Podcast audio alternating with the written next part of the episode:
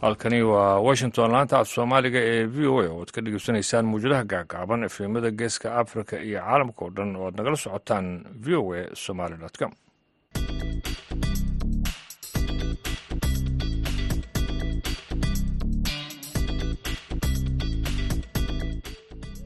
duhur wanaagsan dhegeystayaal dhammaantiinba waa maalin jimcaha bisha maajna waa kow sanadka labada kun iyo afar iyo labaatanka. Afrikada barina saacaddu haatan waxay tilmaamaysaa kowdii iyo barkii duhurnimo. Waxaana idaacadda idiin soo jeedinaya anuga ibraahim xasan garabey daanduray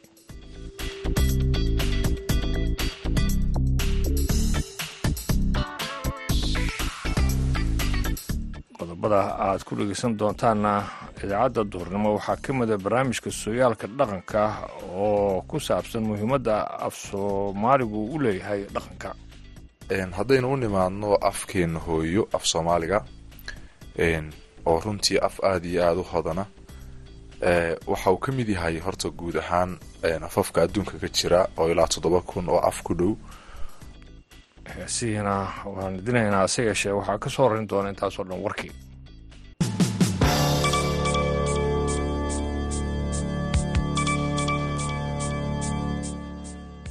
kooxaha gargaarka bini-aadminimo ayaa waxa ay khamiistii ka codsadeen midooda yurub in ay sii daayaan tobannaan milyan oo lacag ah oo lacagta yuroga ah ee maalgelineed.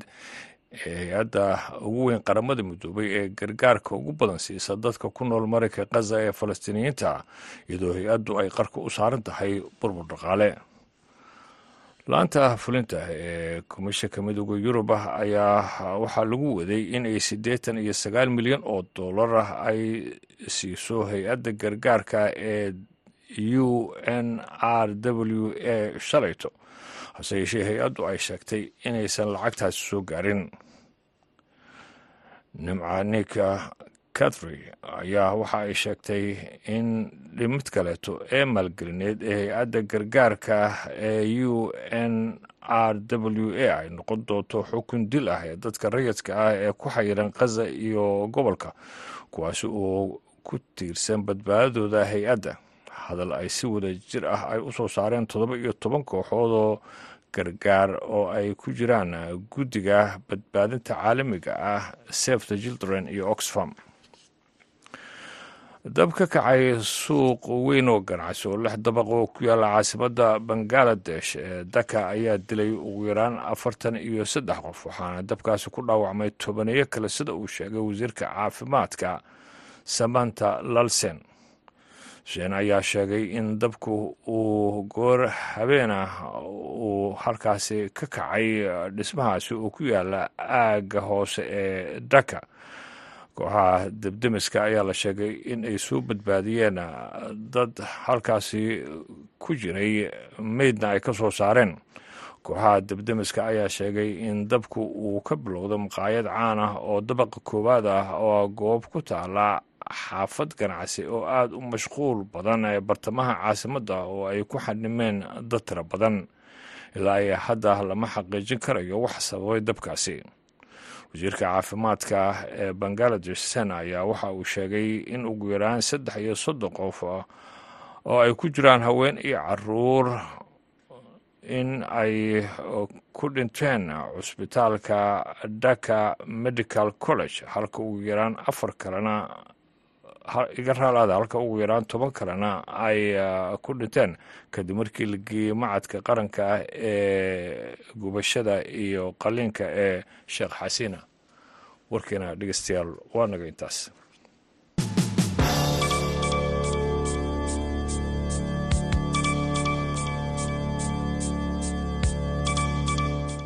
Haatana dhegeystayaal waxa aad ku soo dhowaataan barnaamijka sooyaalka dhaqanka waxaana soo jeedinayaa xamse cali jasto.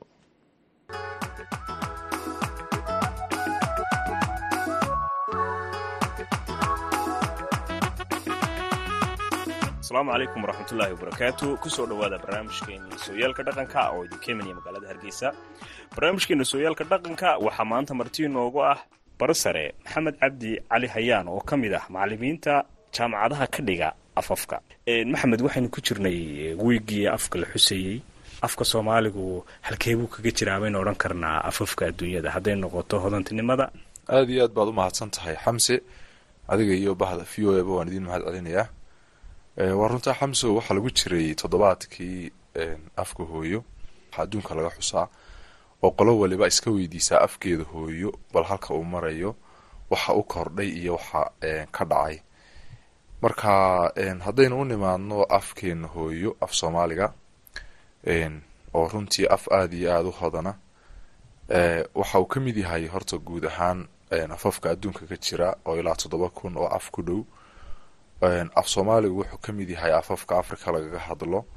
Africa waa qaaradda ugu afafka badan adduunka waxaa ka lagaga hadlaa saddex meeloodoo meel ahaan afafka adduunka. Ilaa laba kun oo af wax ka badan ayaa africa lagaga hadlaa soomalidu afafka africa ka sii mid yahay. Wuxuu ka sii mid yahay afafka kooban ee africa lagaga hadlo ee haddana farta loo sameeyey oo laba boqoloo af wax ka yar ah ayaa far loo sameeyey. Wuxuu ka mid yahay af soomaaligu afafka la jaan qaaday baryahan dambe internetka ama baraha bulshada ku wada xidha ee casriga. Marka waxaynu arkaynaa inuu af aada iyo aad xagga runtii casrigan ula jaan qaaday uu yahay dhinaca internetka af soomaaligu waa haddaynu taariikhdiisa iyo halka ka soo jeedo si kooban u sheegno waxa waa af ku abtirsada qoyska la idhahdo afafka adduunka afro asiatiga ama wuxuu ka mid yahay afafka af soomaaligu ka tirsan yahay qoyska la idhaahdo qoys hamitosemitic ama afro asiatic waa qoys afeed ay ku abtirsadaan afaf badan oo africa iyo asia lagaga hadlo. Wuxuu ka sii mid yahay qoyska la idhahdo kushitiga oo afaf ay aada isugu sii dhow yihiin oo ay meel ka soo wada farcameen baa jira sida afafka canfarta randiilaha oromada iyo sidaamada. Waa afaf geeskan africa lagaga hadlo gaar ahaan barigan africa iyo geeska africa soomaaligu markaa waa af runtii dee ehelle oo meel ka soo jeedo ku abtirsada. Waxaana lagu gartaa afafkaas walaalaha wax badan bay wadaagaan. Xagga codka dhawaqa naxwaha dadka qaar baa idhahda waa af runtii ku jiraan ereyo badan oo ingiriisa ama carabiya. Laakiin waa af ereyo u soo ergistay. Markaa soomaaligu waa afkaas qoyskiisuna waa kaas aynu sheegnay.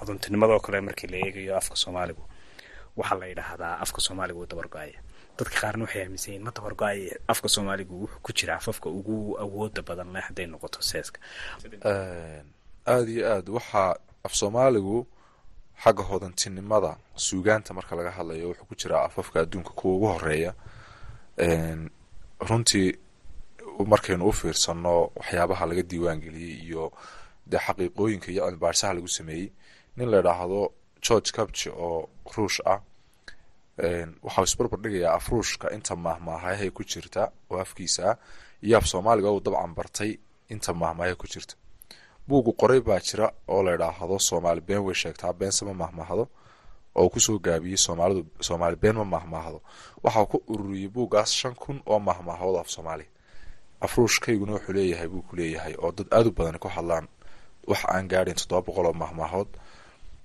xagga suugaanta soomaalidu waa dad suugaanley codkara oo waagii hore dee weliba aada wax laisugu sheegay fariinta laisugu gaadhsiiye la isku maamulaa suugaan buu ahaa dad afkooda aada u hodan yahay oo yar iyo weyn ka yaree xoolaha eegaya ee maqasha eegaya iyo ka geela waraabinaya iyo ka dibida ku qodaya iyo islaanta kabada sameynaysa dhammaantood mid waliba waxa uu lahaa hees howleed uu hawsha uu hayo ku maararoobo oo uu daalka hawsha isku dhaafiyo.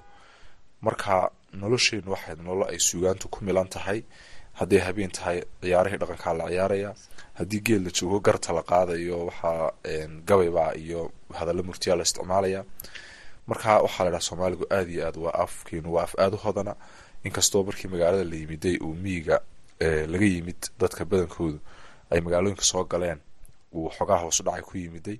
Haddana hodantinimadiisa iyo suugaantiisa qoran ee maanta diiwaan gashan aadna loo adeegsado. Waxa weeyaan waa mid hodana soomaaligu ayaynu odhan karnaa su'aasha adi labaad haddaan ku noqdo xamso af soomaaliguma dadka qaar baa uu dabar go'aya. Dee qofka oo halkaa joogo caafimaad qaba haddaad tidhaahdo uu dhimanaya waxa weeyaan ma muutal qof laa dilaya mise mata markaa muutal qoflow waa wax dhici kara.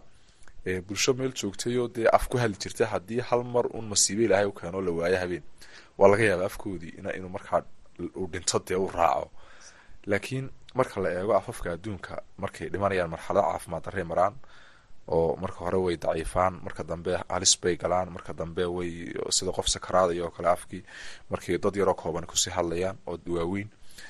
Marka af soomaaligu waa af aan beryahan iyo beryahan loo saadaalinaynin in uu waxa weeyaan meesha ka baxo oo waa af bulsho badani ku hadasho afaf kale oo dad dhex degani oo af kale ku hadla aanay jirin waa af xaqiiqatan waxa weeyaan sugaantiisu hodan tahay oo dadkiisu aada ugu dhegan yihiin waana af qoraal galay. Marka waxyaabahaasoo dhan waxay keenayaan inuu soomaaligu beryahan aanu wiiqin inkastoy dhibaatooyinka xagga yara bixintuina haysato. Haddana waxaa la filayaa soomaaligu afafka adduunka. Ee toddobada kun ee afa waxaa la idhahdaa kalabadh ama saddex kun iyo shan boqoloo af waxay gudgelayaan oy dhimanayaan. Intaanu qarnigan aynu ku jirno ee koob iyo labaatanaad intaan la gaadhin labada kun iyo boqolka ka hor bay dhimanayaan kalabadh afafka dunidu marka soomaaligu kuwa looga baqayo inay qarnigan dhintaan iyo qarniyada ka dambeeya xaqiiqatan midna ma aha. Waa af aada iyo aada sii jiri doona inta ilaahay dhahdo. Waana waa laga badbadiyey dabargoha soomaaliga ayaynu odhan karnaa. Macalin waxaa jirtaa dhinaca kale waxay aada dhalinyaradu ama ugu yaraa jahwareeraan. Miisaan marka la sheegayo haddana maase la raacinayo bal dadka aan garanahaynin amba miyiga jooga amba aan aqoontan maadiga magaalooyinka soo gaadhin. Miisaanka maansadu muxuu yahay sahalkeebuu kaga jira afka? Waad mahadsantahay xamsow miisaanka maansadu oo ah waxay waxa weeyaan waxyaabahan intan dambe ku soo kordha af soomaaliga ama la ogaaday aan idhaahno. Marka maansada laga hadlayo ama si guud suugaanta waxaa la idhahda suugaantu labay u kala baxdaa tix iyo tiraab. Tixdu ama waxa maansada la idhaahdaa waa qeybaha waxa weeyaan godadka maansada sida gabayga geeraarka jiifdada masafada buraanburka iyo wixii la halmaala. Marka tixdu waxay kaga duwan tahay tiraabta afar astaamood oo ay leedahay oo miisaanku ka mid yahay marka. Tixdu waxay leedahay miisaan iyo xarafraac habdhac iyo luuq bay leedahay. Marka miisaanku wuxuu ka mid yahay astaamihii tixda lagu garanayay miisaanku maansadu way lahayd weligeedba waana la maansoonayay intii afku jiray oo waxaa ladhaha maansadu waxay la kowsatay bulshada afkeeda. Lama odhan karo bulshadu markay muddo intaa leeg afka ku hadlaysay bay bilowday inay maansooto laakiin intii luuqadu jirtayba maanse waa la tirinay. Maansadaasina waa hadalkii oo la qurxiyey oo qaab yaroo wanaagsan oo qurux badan loo dhigay oo habaysan oo xarafraac leh oo habdhac leh oo miisaan leh. Haddaba miisaanka haddaynu si gaara u sii dul istaagno miisaanku wuu lahaa afku wuu lahaa laakiin waxaa daah furay oo ogaaday inuu jiro kadib markii af soomaaliga farta loo sameeyey toddobaatan iyo labadii ka bacdi. Waxaa ogaaday gaariya allah naxariisto iyo caraale oo isna miisaan laba qaab bay sameeyeen oo aada isugu dhowo maansada loo miisaami karo. Miisaanka maansadu markaa wuu lahaan jiray afku sugaanta way lahayd miisaan. Tusaale ahaan ninka hore miyiga joogay ee aan farna qori farna aan qori karin af soomaali qorin dee af soomaaliga far muu lahayn waagii hore lagu qoreen wuu yaqaanay godadka maansada dhegtu isagoo dhegtiisa maalaya ayuu kala garanayay waxaa ma gabayba ma geeraarba waayo mid waliba wuxuu leeyahay halbeeg iyo mastarad lagu cabiro oo qofka miyiga jooga haysto. Tusaale ahaan gabayga halbeegiisu waxa uu ahaa tusaale ahaan hoyaalayey hoyaalayey hoyaalayey hoye. Intaaynu akhrina xamso imika tusaale ahaan waxaa ku jira markii dambe la tiriye shaqal labaatan shaqal baa ku jira. Marka intaasuu meris kastuu sameynayo intaasuu leekeysiinaya hadduu tirinayo tusaale ahaan godkii uu ka tirinayo haanta oo kale. Hoobeya hoobeya haantii qaboy qoor yar. Markaa haantii qabay qoor yar wuxuu leekeysiiyey hoobeya hoobeya oo dee intii waa mastaradii ama halbeegii qofka miyiga jooga haysta heesta maqashoo kale ilmaha yare miyiga jooga wuxuu marka hore akhriyayaa inta halbeega. Markaasuu odhanayaa exey exey ama hoobeya hooy maqale warlaay ma lagu waramay marka halbeeg baa jiray miisaanku waa jiray laakiin gaariyo caraale waxay markii farta la qoray bay qoraalkii intay u fiirsadeen. Ay yidhaahdeen waxaana maasadani waaba wax islaaleeg leymankeedani ama meerisadani way islaaleeg yihiin mid walba intaasoo shaqal baa ku jira gabayga labaatan shaqal baa ku jira maxaan ku dhahdaa haanta toban shaqal baa ku jira gudkan maqasha la dhaahdo waxaa ku jira maxaan ku dhahdaa toddoba shaqal. Markan dambe daafur bay ahayd iyo laba aragtiyood oo runtii aada u cajiiba bay nala wadaageen oo inaga daxsoonaa laakiin jiray ayay nala wadaageen. Maxaa lagu qeexi karaa ama maxay ku kala duwan yihiin aragtida gaariye iyo aragtida caraale waad mahadsan tahay aragtida gaariye aragtida caraale horta labaduba meeriski bay miisaamayaan waxyaaba badan ay ka saman yihiin baa jira. Maasada marka la miisaamayo layn layn ama meeris meeris baa loo miisaamaa oo loo tiriyaa gaariya u tiriyaa. Tusaale ahaan shaqalada inta shaqale laynka ku jira ama meeriska ku jirta oo gabaygii labaatan shaqal baa ku jira buu yihi haantiina toban shaqal jiiftadiina sagaal shaqal. Caraalana wuu ka yaro duwan yahay waxa weeyaan cabdilaahi diiriya guulada caraale wuxuu tiriyaa isagu markuu maasada miisaamaya wax alanka la idhaahdo ama dhawaqa inta dhawaqee leynka ku jirta ama meeriska. Haddana wuxuu gaar u tiriyaa inta shaqal dheeree ku jirta. Marka marka la isku geeyo alanka iyo tirada alanka inta shaqal dheeraha waxay isku noqonayaanuun inta shaqale ku jirtay dherarka meeriska. Waa laba aragtiyood oo dadka qaar ay isku keeneenba sida buugga la dhaxbag barsheed oo kale ee cali leeya qoray waxa uu leeyahay midayn iyo midhiftir. Waa wuxuu iswaafajinayaa oo uu isu keenayaa inaan waxba kala duwaneyn ay aada is dhamaystirayaan miisaanadan maasadu amaba la wada adeegsan karo si maasadii loo fahmo oo loo miisaamo la wada adeegsan karo labada aragtiyoodba ayuu ayuu ku doodayaa. Taasaan runtii la qaba aniguna. Marka miisaanka maasadu waa cilmigaas waa maasan tahay waxaa jirta abwaane dhinaca haddaynu halkaa miisaanka maasada iyo afka intaa hore aynu kaga nimaadno. Xidhiirka ka dhexeeya afka iyo shanta dareen wade ee dhinaca suugaan abwaanadu ay isticmaalaan. Halkaasina waa wa waa su'aal kaloo aada u muhiima. Dadka hal abuurka ama abwaanadu markay wax tirinayaan waxay isticmaalaan oy dadka ka xaxanteeyaan ama ay wax ka dareensiiyaan shanta dareeme shanta dareeme waa shantii dareeme ee aynu naqaanay caadiga ahaa waa araggii iyo maqalkii iyo taabashadii iyo urtii. Shantii dareeme ayuu abwaanka waxaa laga yaabaa inuu isagoo doonaya inuu wax kuu cabiro wanaagsan inuu urta kuusoo raaco oo xagga sanka kaa xanteeyo u idhahdo tusaale ahaan heesii odhanaysay sideedaan jaleecada saxan saxo udgoon badan sanka kuula raaca. Markuu abwaanku sidaa idhahdo saxan saxa udgoon badan sanka kuula raaca. Deetana qofku dhagaysanayaa si fiican buu hawow qaadanayaayo wuu nafisayaa. Deetana udgoon baa la sheegay. Halka taa cagsigeeda marka la sheego wax qarmuun haddii waa halkii gaariya lahaa qabyaalada markuu hadlayay xumaanteeda si aad u diido qabyaalada ufu tiraahdo wuxuu lahaa uf qabiilka anaale wuxuunbaa ku adeegta. Nin iski kartidiisa isku taagi karin. Marka uf marka la idhaahdo qofku xaggii dareenkii urtayo sankiibaa laga xantay waxa laga yaba inu sanka isqabto inuu sidaas kale carabku ka xanteyn karaa ama dhadhanka wax macaan buu abwaan ka sheekeyn karaa. Waxaan ahay macaan iyo qiraadh meel ku wada yaal abwaan qaasim oo kale. Marka shanta dareeme ayuu abwaanku adeegsadaa. Shanta dareeme halkii uu lahaa tusaale ahaan ina cabdalla xasan wixii aan ku joogsaday abees jirifla oo duuban. Marka marka mas iyo waxaa la sheegay qof waxa laga jiriiro coodo oo dareenkii taabashada ayaa laga xanteeyey dhegeystayaal intaasna waxaanu ku soo gabagabeynaynaa barnaamijka sooyaalka dhaqanka oo idinka imanaya magaalada hargeysa. Intaynu barnaamijkan mid la mid ah aynu hawada iskaga arki doonno. Waxaanu idinkaga tegaynaa. Asalaamu calaykum waraxmatullaahi tacaala wabarakaatu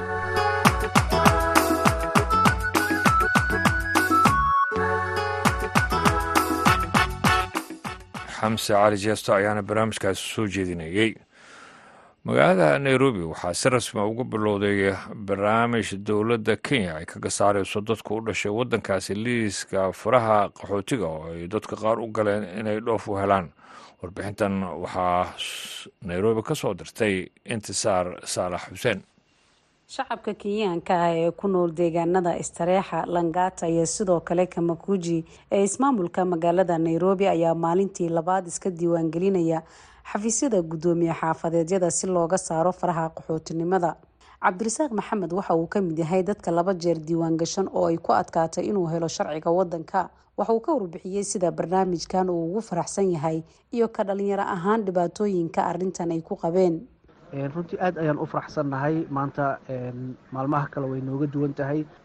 Markii aad fiiriso go'aankii ay ka qaadatay dowladda gaar ahaan wasaaradda arrimaha gudaha muddo waxaan ku dhibanayn si kam ah annagoo u galnay faraha qaxootiga aydiyadeenina ay soo bixi waayeen aniga oo kaleeta sannadkii laba kun iyo toddoba aidgii aan galay ilaa hadda farahaygii qaxootinimada ayaa weli systemka ku jira.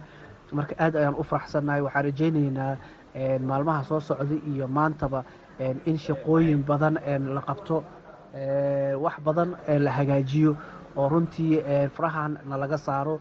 Marka waxaan rajaynaynaa insha allah in aan dib u helno kenyaanimadeenii sharciyadeennina ay noo soo baxaan.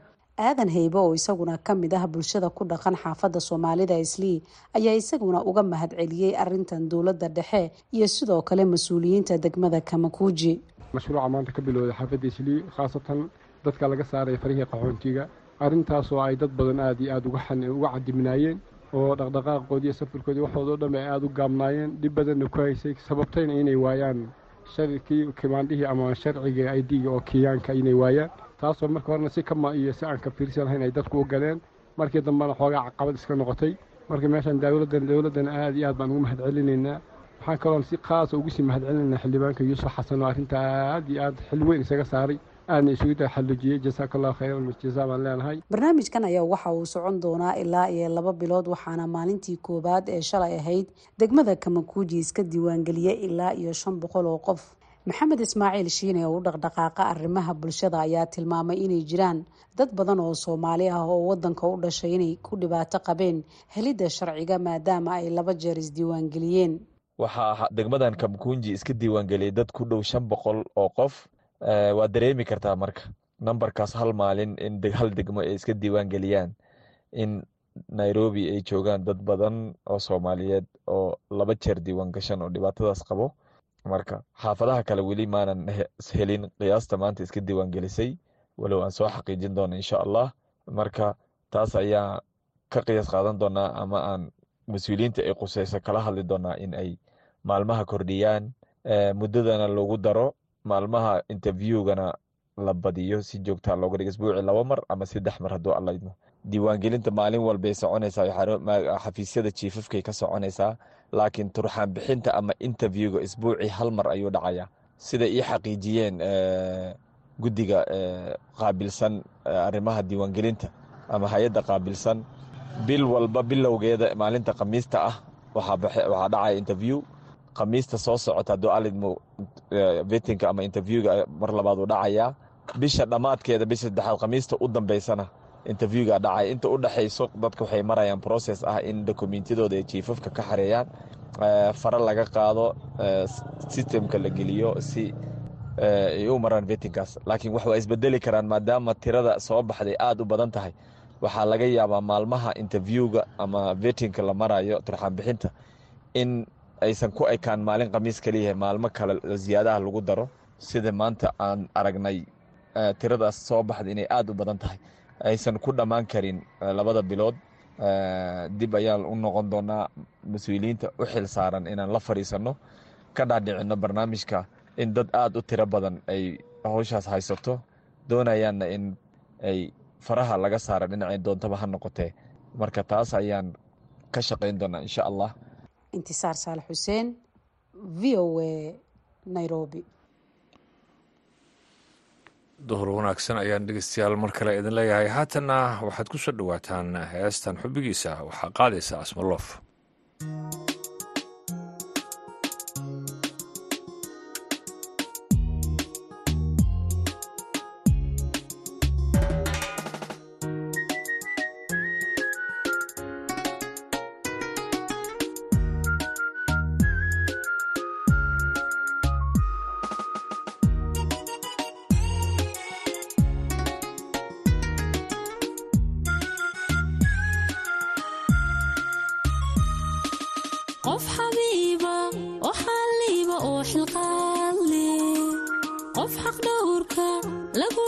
xabiiba oo xurmaysan xilkas weeye xilkas weeyaani xuurin xilkas weeye xilkas weeyaani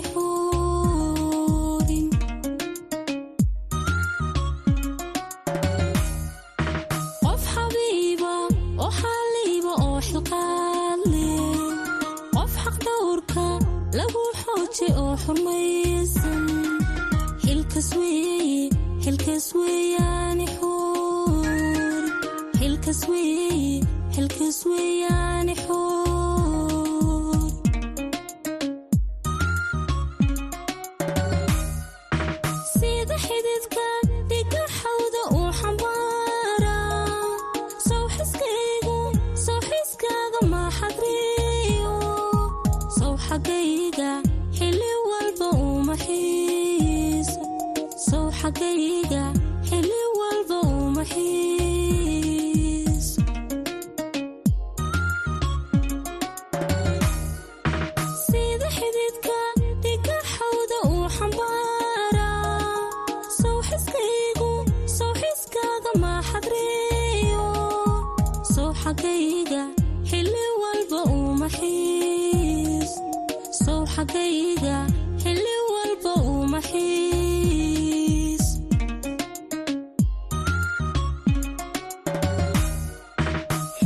xanaf reebe xalka raadshe kalxajinta laga xore oo xalaysan waxa daari xikmadiisu xalad leeday xumad biyo xanaf reebe xalka raadshe kalxajinta laga xore oo xalaysan waxa daari xikmadiisu xalad leeday waxaruuri xaaladaydu siro sirowan xogogaala jacayl xooga oo xadaafa siro sirowan igu xersha ixanaansha heeristeeda siro sirowan i xushmeeya waxaruuri xaaladaydu siro sirowan xogogaala jacayl xooga oo xadaafa siro sirowan igu xersha ixanaansha xeeristeeda siro sirowan i xushmeeya ixanaansha siro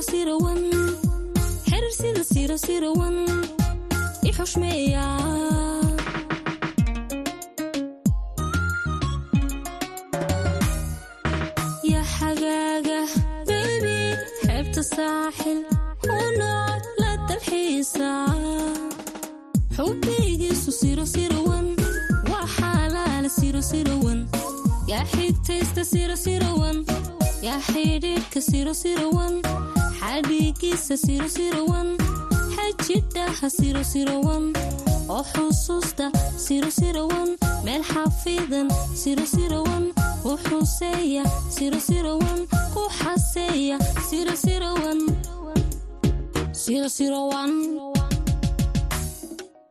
ya xagaaga bebi xeebta saaxil u la dalxiisa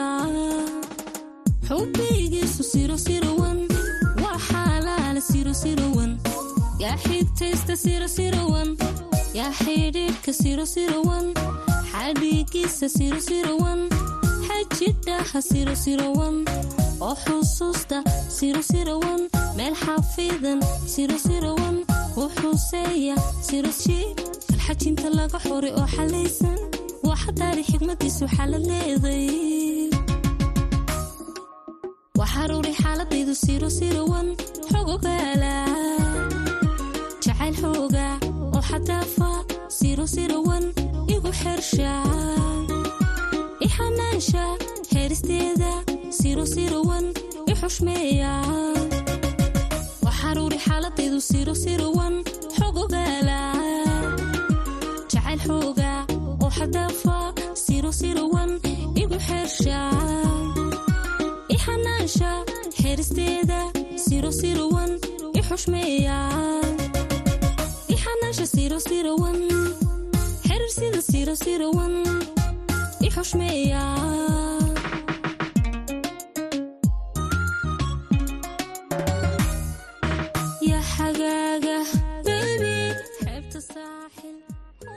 idaacadda duhurnimo ee barnaamijka dhalinyada maantana dhegeystayaal waa naga intaasi taan mar kale kulmi doono waxaan idinkaga tegayaa sidaa iyo nabadgelyo yaa xigtaysta siro sirowan yaa xidhiidhka siro sirowan